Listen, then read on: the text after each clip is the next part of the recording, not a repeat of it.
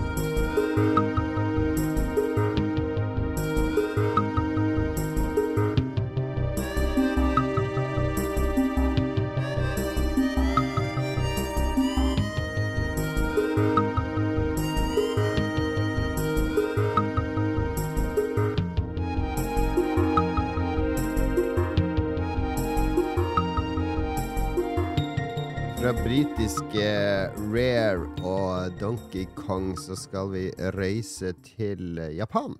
Og selskapet SNK, for i 1994 så debuterte de med en helt ny slåssespillserie. King of Fighters 94, rett og slett. Det unike med King of Fighters-spillene var jo Altså, dette var jo kjølvannet av Street Fighter-suksessen. Så King of Fighters eh, kopierte jo i stor grad Street Fighter, men de hadde Du valgte liksom tre spillere på laget ditt, så det var tre mot tre. Man drev og tagga spillere ut og inn. Og det hadde et ganske stort persongalleri, fordi de tok liksom eh, karakterer de allerede hadde laga i andre spill, som Fatal Fury og Art of Fighting og Ikari Warriors og Psycho Soldier, og satt de sammen. Så på en måte så, så, gjorde de jo litt det Nintendo gjorde med Super Smash Brothers noen år senere. Så man kan kanskje si at SNK var tidlig ute her. Um, vi skal høre musikk fra uh, Italia-stagen. Litt sånn herlig låt med litt trekkspill og en folkemengde i bakgrunnen og, og sånne ting. Komponisten er ikke sånn ekstremt kjent utenfor SNK. Han heter Masahiko Hataya. Uh, og blant fans har han eh, kjælenavnet Papaya, rett og slett. Uh, Jobba i SNK siden 1988 og laga musikk i ja, masse, masse SNK-spill, rett og slett. La oss høre Italia-stagen. Uh, Nap Napolitan Blues, som låten heter, fra King of Fighters 94.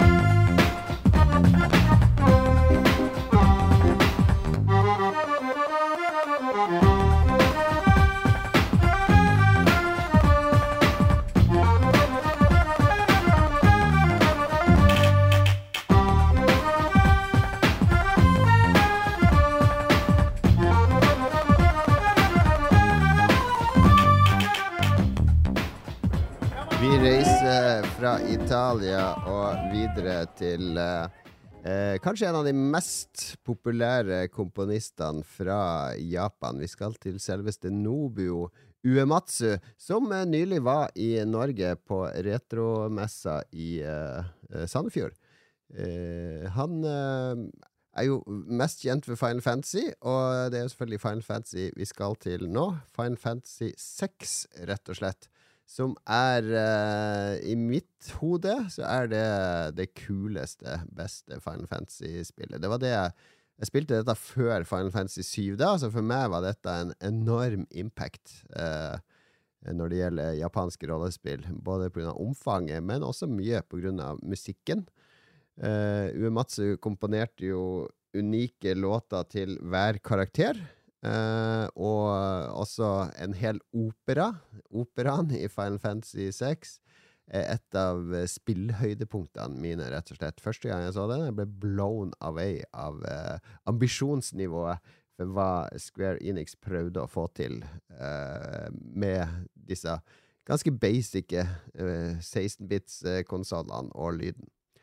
Vi skal ikke høre operaen denne gangen. Vi skal høre kanskje en av de mest kjente, populære låtene fra Final Fantasy 6. Det er jo skurken Kefka som har sitt eget lille temaer, sånn som alle skikkelig skurker skal ha.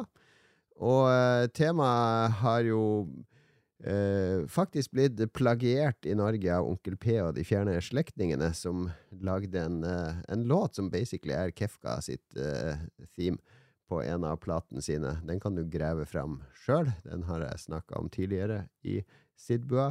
La oss høre originalen, Kefkas theme fra eh, Final Fantasy 6, og eh, Nobuo Uematsu her i Sidbua.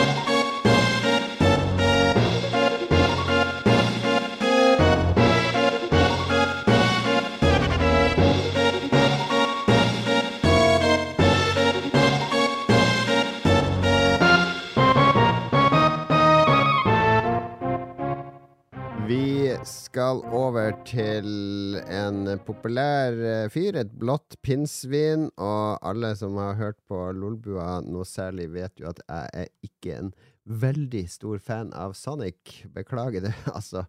Uh, men musikken i Sonic-spillene har mange kvaliteter, og i 1994 så kom uh, to Sonic-spill, Sonic the Hedgehog 3 og Sonic og Knuckles. Og eh, begge disse har uh, ganske spenstige, morsomme soundtracks. I Sonic 3 så var det jo Brad Buxer som var med å bidra. Og hvem er det? Jo, han eh, jobba jo tett med Michael Jackson på Michael Jackson sine turneer og i studio. Uh, derav mange internettvideoer om hvordan Michael Jackson har vært med å komponere soundtracket til Sonic the Hedgehog 3. Eh, noe særlig mer om spillet kan jeg ikke. Jeg spiller ikke Sonic-spill av prinsipp, rett og slett. Men eh, vi kan i hvert fall høre en av disse låtene, som eh, visstnok Michael Jackson har vært med å bidra på. Vi snakker om låten Launch Base One.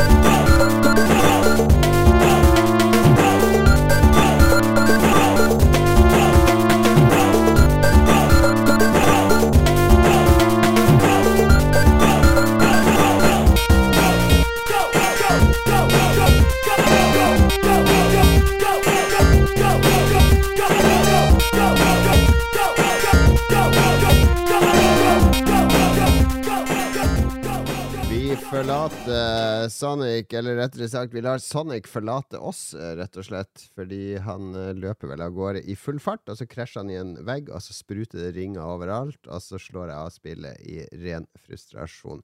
Nei, nok Sonic-hat. Eh, det er romjul. Det er, det er ikke tid for hat. Det er tid for kjærlighet og refleksjon. Og kjærlighet, eh, apropos neste spill, dette er en spillserie som veldig, veldig, veldig, veldig mange Nintendo-fans elsker. Og som de venter i spenning på neste kapittel av. Det har de egentlig venta på lenge, helt siden Nintendo teasa en ny, nytt spill i serien for uh, noen år sia. Uten å ha vist noe mer etter det. Vi snakker om Metroid-serien og selveste Super Metroid, som kom uh, i 1994. Uh, sensa en sensasjonell videreføring av Nes-spillene, nå med utrolig stemningsfull både grafikk og lydbilde. Og uh, videreførte jo denne klassiske Metroid-strukturen med å bli strippa for krefter, og må bygge seg opp igjen uh, i i, et, i, en verden der du kan utforske på kryss og tvers, og får nye ferdigheter stadig vekk som gir deg tilgang til uh, hemmeligheter og områder du ikke har klart å komme deg inn på før. Uh, alle her vet hva Metroid er, jeg trenger ikke å forklare det noe nøyere, men jeg kan jo nevne at det er Kenji Yamamoto som står bak uh, Yamamoto som står bak musikken i Metroid-spillene. Uh, fra og med Super Metroid så var det han som på en måte ble musikalsk sjef for serien. Han var også han som lagde musikk i Metroid Prime-serien. Og uh, ja, han er med, skal være med i det nye òg, så vidt jeg har skjønt. Han har vært med i Metroid-spill gjennom hele Helt siden Super Metroid. Kenji Yamamoto, hva mer kan vi si om han? Han påstår at han gjerne kommer opp med melodier og temaer til uh, sangene sine mens han kjører motorsykkel på vei hjem fra jobb. Uh, høres, høres, ut som en kreativ prosess. Uh, la oss høre Brinstar Overgrown with Vegetation Area, som det fine navnet er, fra Super Metroid.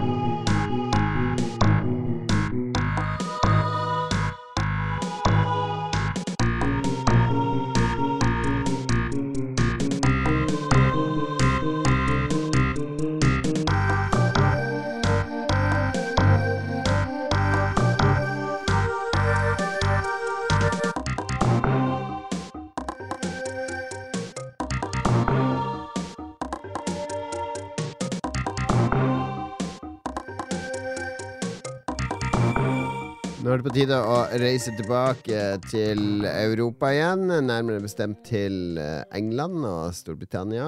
Vi skal eh, til eh, en gammel favoritt som har blitt sterkt kritisert de siste årene. Peter Molyneux. selv om Peter Molyneux har gjort mye rart de siste ja, 10-15 årene, så er det ingen som kan benekte at han var en viktig stemme innenfor spill spillkultur og spillutvikling på 90-tallet, med en lang rekke serier som både har blitt ikoniske, og som er kjempeviktige uh, i, uh, i, i, sp i spillsammenheng. Altså har bana vei for andre og utvikla og videreutvikla sjangere. Uh, Peter Molyneux leda jo et selskap som heter Bullfrog på 90-tallet, som er kjent for mange spill. Theme Park, for eksempel. Theme Hospital, Syndicate, Populous. Klassikere, alle sammen. Men uh, dette var også et selskap som våga å eksperimentere. Og ikke sant, i 1993-94 var da man begynte å skjønne at 3D-grafikk var oppnåelig med dagens uh, hardware og med kommende konsoll-hardware, og med 3D-kort som eh, etter hvert kom på PC. Og et av disse 3D-spillene som eh, Bullfrog eksperimenterte med, var et spill som heter Magic Carpet, som jeg faktisk hadde på original. Eh, jeg spilte det masse, fordi det var et spill der du var en eller annen fakir på et magisk teppe som fløy over 3D-landskap og skulle kjempe mot ulike monstre. Du kunne skyte sånn noen magiske kuler ut. Så det, det var eh, det var streifing. Man streifa rundt fiender bare oppe på dette magiske teppet som fløy over, eh, over eh, hav og, og, land. Og det var en, en, veldig magisk opplevelse for meg. Jeg har veldig veldig mange gode minner fra Magic Carpet, selv om spillet ikke fikk noen sånne enormt gode anmeldelser. Og, men mye av minnene kommer rett og slett fra soundtracket til Russell Shaw. Russell Shaw lagde jo soundtracket til en hel haug av Bullfrog-klassikere, som Syndicate og Theme Park og Dungeon Keeper, og etter hvert Black and White, og hele Fable-serien er det jo Russell Shaw som har komponert musikken til. Eh, men for meg så fremstår Magic Carpet mye på grunn av disse det er litt sånn arabiske Veldig mye arabiske, klisjéfylte toner, 1001 natt osv. Men det er stemningsfullt. Veldig, veldig stemningsfullt. Og veldig rolig. Len deg godt tilbake, fyll opp glasset ditt, og så reiser vi til Midtøstens mysterier, 1001 natt, Magic Carpet, via Russell Shaw.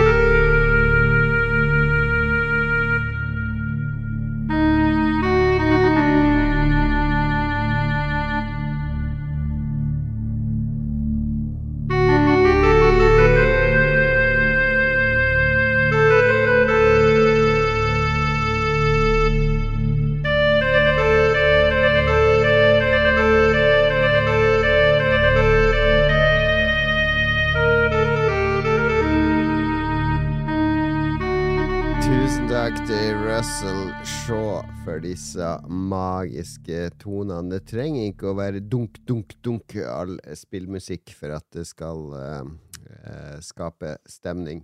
Magic Carpet, altså. Et spill som jeg har uh, Kanskje er en av de få som har veldig, veldig gode minner fra det. Håper at uh, musikken imponerte dere òg, like mye som den imponerte meg som ung gamer i 1994, da jeg satt uh, hjemme på hybelen og blasta dette.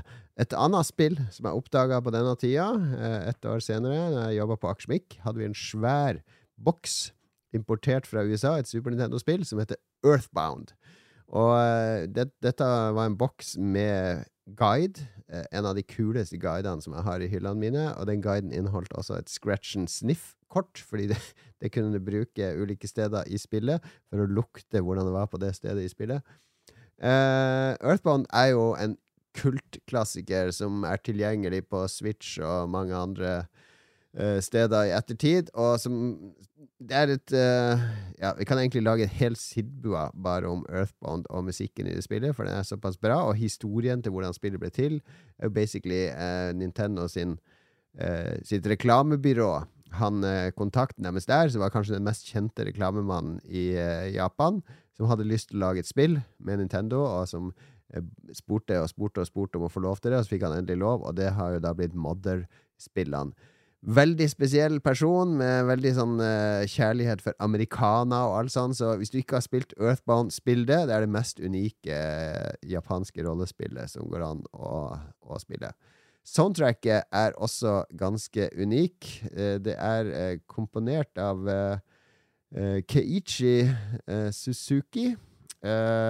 sammen med Nintendo sin inhouse chipmusiker som ble kalt for Chip Tanaka, eller lyd, lydtekniker. Og eh, Keiichi Suzuki var jo ikke en, en spillmusikkomponist, men akkurat som uh, Earthbound ble laga av en uh, fyr som ikke var spillutvikler, så fikk han med seg denne fyren til å lage musikken. Han har laga filmmusikk til masse masse kjente japanske filmer. Masse Takeshi Kitano-filmer, for eksempel, som jeg elsker.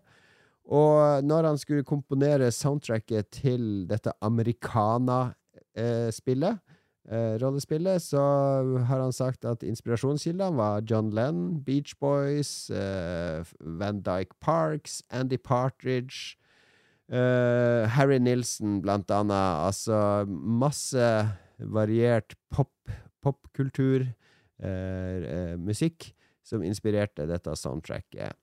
Det er så mange highlights på dette soundtracket. Jeg var litt usikker på hva jeg skulle spille, men jeg endte opp rett og slett med Your Name Please, som vel er musikken eh, du får høre når du må velge navnet på både deg sjøl, bestevennen din, eh, hunden din og favorittretten din, hvis jeg husker riktig. Your Name Please fra Earthbound.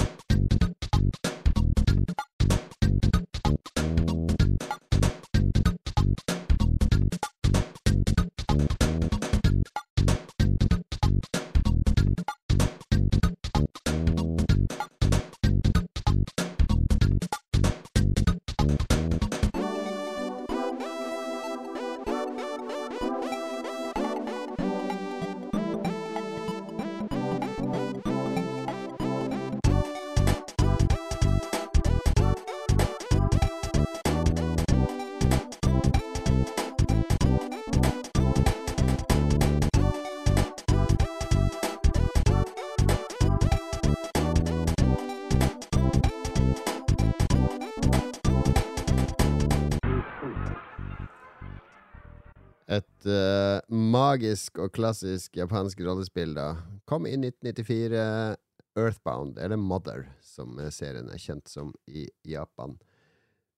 Vi eh, Jeg nevnte innledningsvis at uh, 1994 Ikke sant, det var tre vi får, vi får innslag av tre ulike typer musikk her. Vi får sånn hardware-basert chip-musikk, rett og slett. eh, komponert på hardwaren som sitter i disse spillkonsollene og arkademaskinene. Og så får vi CD-rom-basert eh, ordentlig studiomusikk, som vi skal få høre litt eh, senere, eller avslutte med, egentlig. Men så har vi også midi, fordi eh, jeg husker sjøl på 90-tallet, når jeg kjøpte meg en DX2 66, så måtte jeg jo velge I dag så handler det jo om å velge grafikkort og prosessor. Det er de to tingene man eh, man styrer med når man skal bygge PC. Man må selvfølgelig ha et hovedkort i tillegg, men grafikkort og prosessor er jo på en måte de to driverne for opplevelsen. Men på starten av 90-tallet så måtte man også velge lydkort. Og dette kunne ha mye å si. Vi hadde jo Soundblaster eh, OV, eller AV32, som jeg hadde. Men det ultimate midi-lydkortet man kunne ha, for det var jo midi-musikk som ble kjørt gjennom disse lydkortene, så kvaliteten på lydkort kortet avgjorde jo da kvaliteten på instrumentene som eh, midi-filen eh, trigga på, på eh, lydkortet. Det, det, ultimate var jo det Roland-lydkort, og de var såpass dyre at uh, selv for meg, som kan bruke skamløst mye penger på eh, hobbyen min, uh, av, med dårlig samvittighet av og til, var det utenfor rekkevidde. Uh, men et av de spillene der jeg drømte om å ha et uh, Roland-lydkort, bare for å nyte midi-musikken i uh, sin ultimate inkarnasjon, det er jo selvsagt System Shock. klassisk rom-eventyr, exploration, action. Det, vi snakker Looking Glass Technologies, altså en slags forløper til Thief, dette. Uh, vi, vi, en, en, en, oppfølger til Ultima Underworld-serien. Altså, de tok 3D-perspektivet og gjorde det til interaktive, actionfylte eventyr. System Shock er et superkomplisert uh, 3D exploration action-eventyr som nylig ble gjenutgitt i en enhanced utgave, som er steike bra. Jeg kan anbefale den varmt. Den, uh, den tar all essensen fra 1994-spillet og gjenskaper det sånn at det går an å spille for moderne uh, spillere. 1994-versjonen er nesten uspillbart. Musikken i spillet ble komponert av en som heter Greg Lo Piccolo. Han er ikke veldig kjent i spillmusikksammenheng. Han uh, hadde egentlig et band som heter Tribes, og lagde musikk ved siden av, men det bandet ble lagt ned, og han fikk vel jobb som lydmann i uh, Looking Glass Technologies etter å ha komponert System Shock-soundtracket. Og dette var et sånn layered soundtrack som etter hvert skulle bli uh, uh, Mange spill skulle bruke.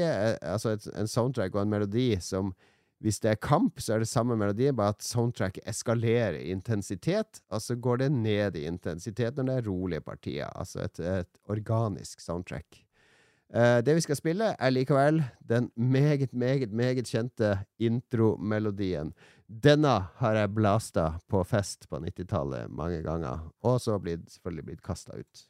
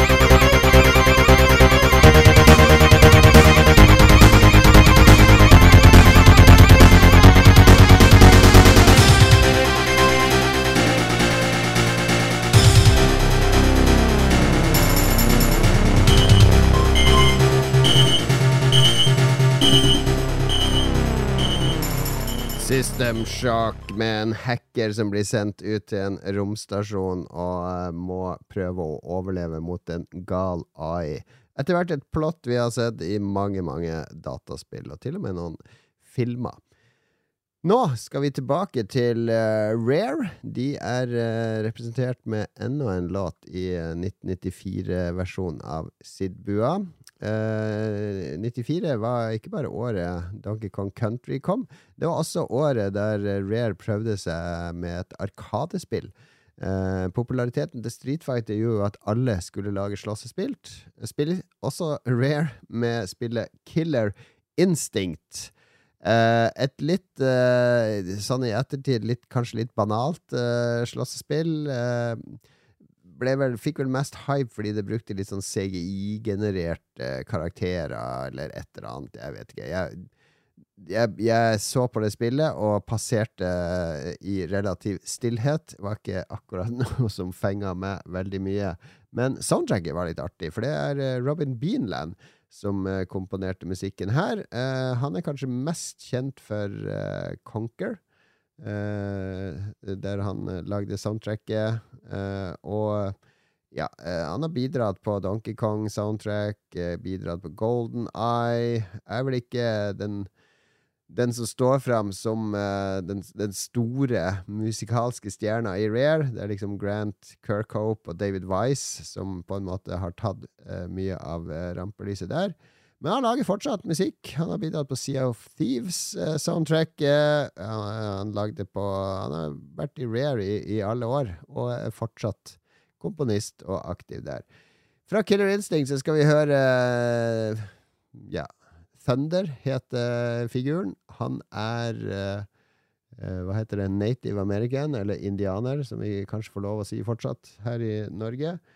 Og eh, ja, han, eh, Robin låner vel litt skamløse indianerklisjeer i denne låten. Vet ikke helt om han hadde tort å lage den i dag, men vi får nå høre, i hvert fall. Her kommer Thunder sin melodi fra Killer Instinct.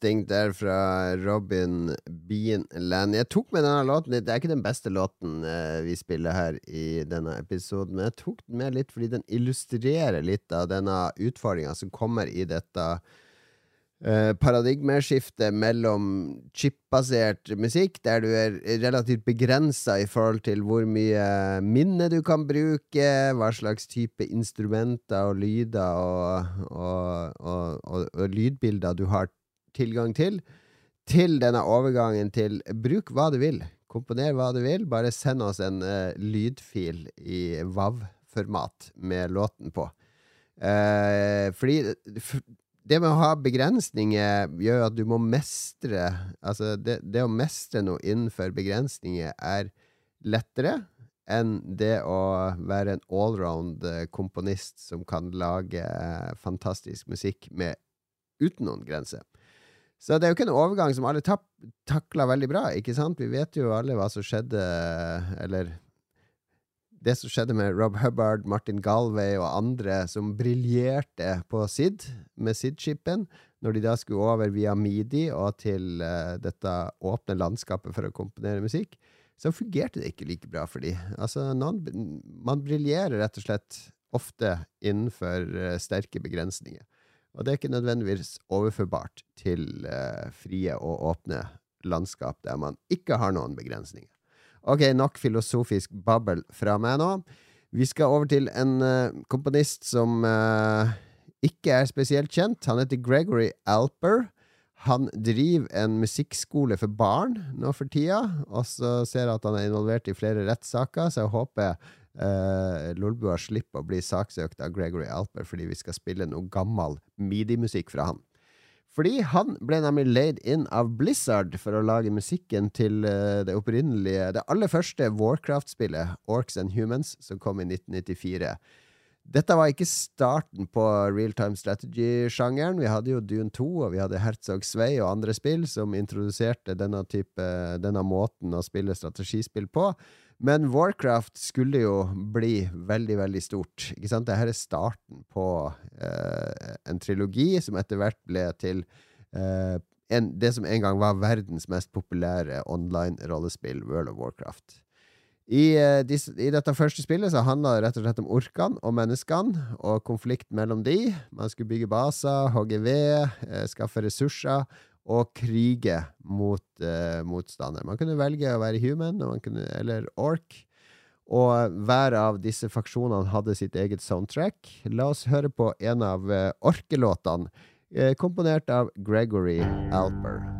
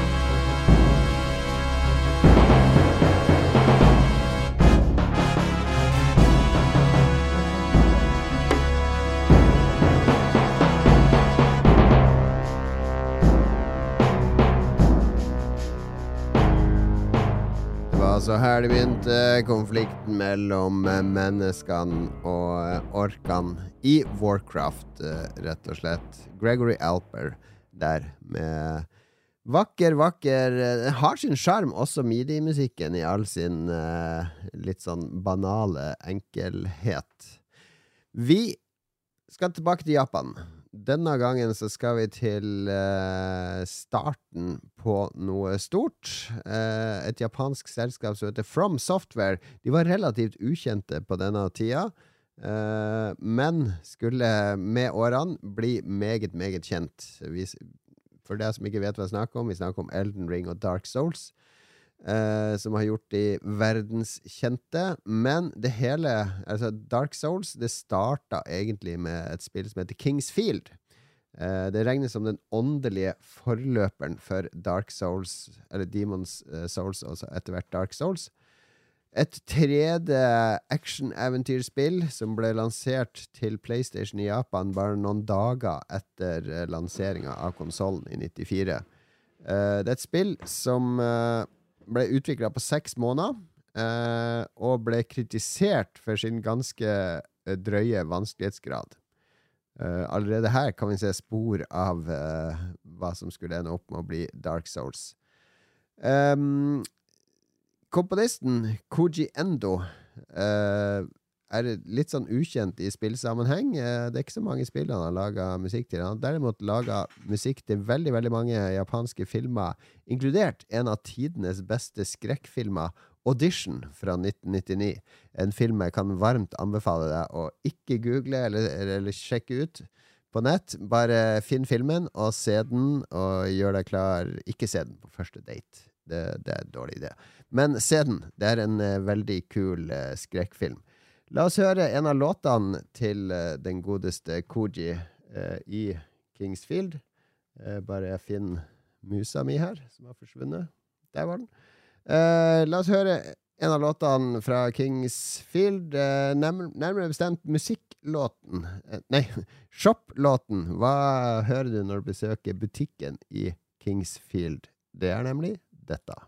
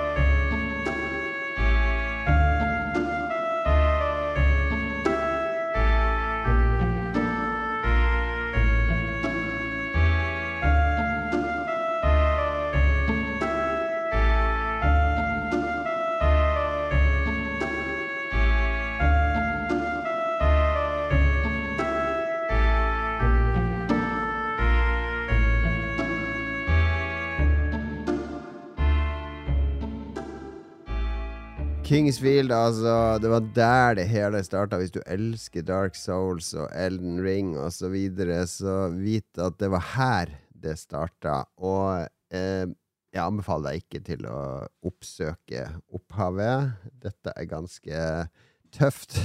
Vanskelig å spille i dag, rett og slett. Nest siste låt er på vei, og vi skal jo til en sjanger som eh, eh, Jeg nevnte King of Fighters i sted. Eh, slåssespill og Killer Instinct. Slåssespill var inn i 1994.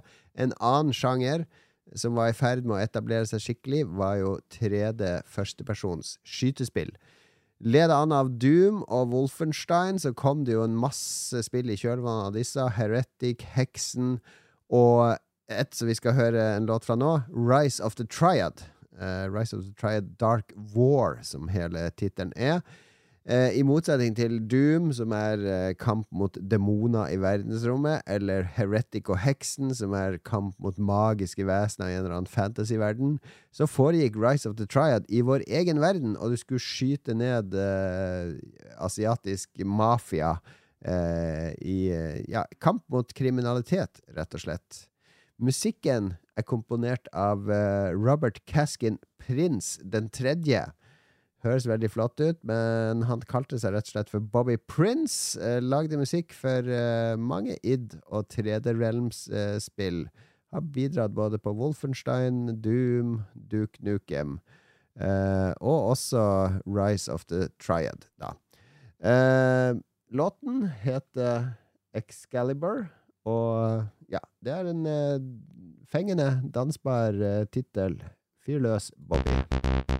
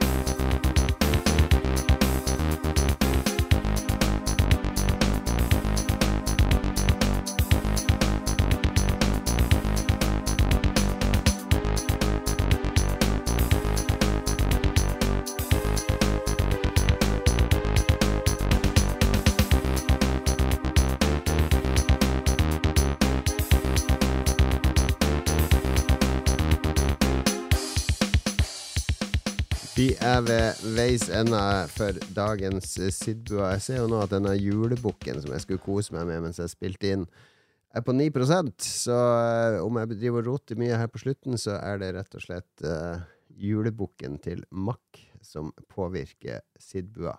Håper du har kost deg uansett. Um, litt sånn vemodig å avslutte 1994-året, fordi vi står faktisk på terskelen til veldig store endringer, noe denne siste låten skal illustrere.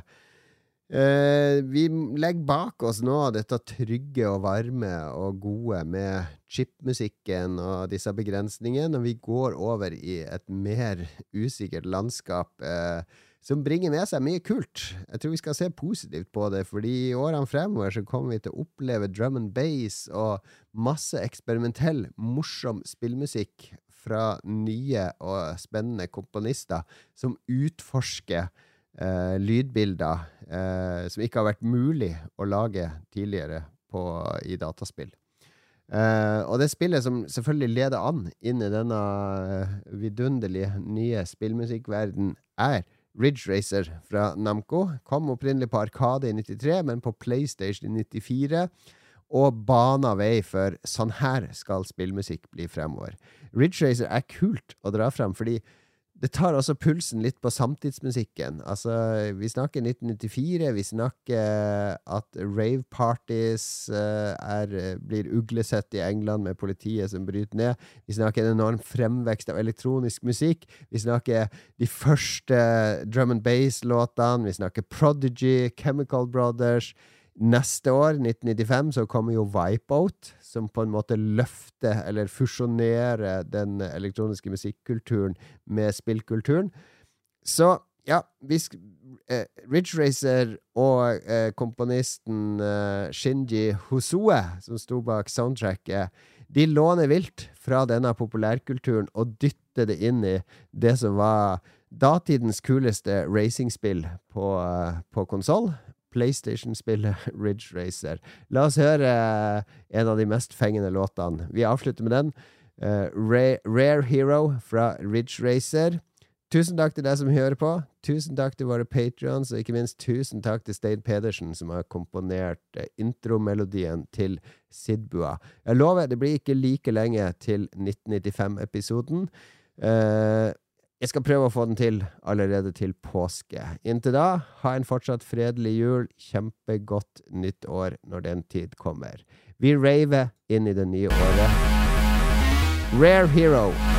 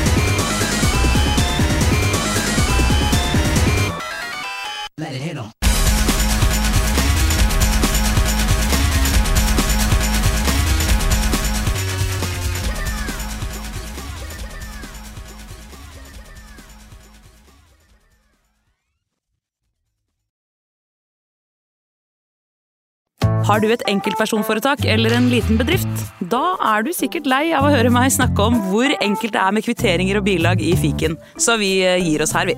Fordi vi liker enkelt. Fiken superenkelt regnskap.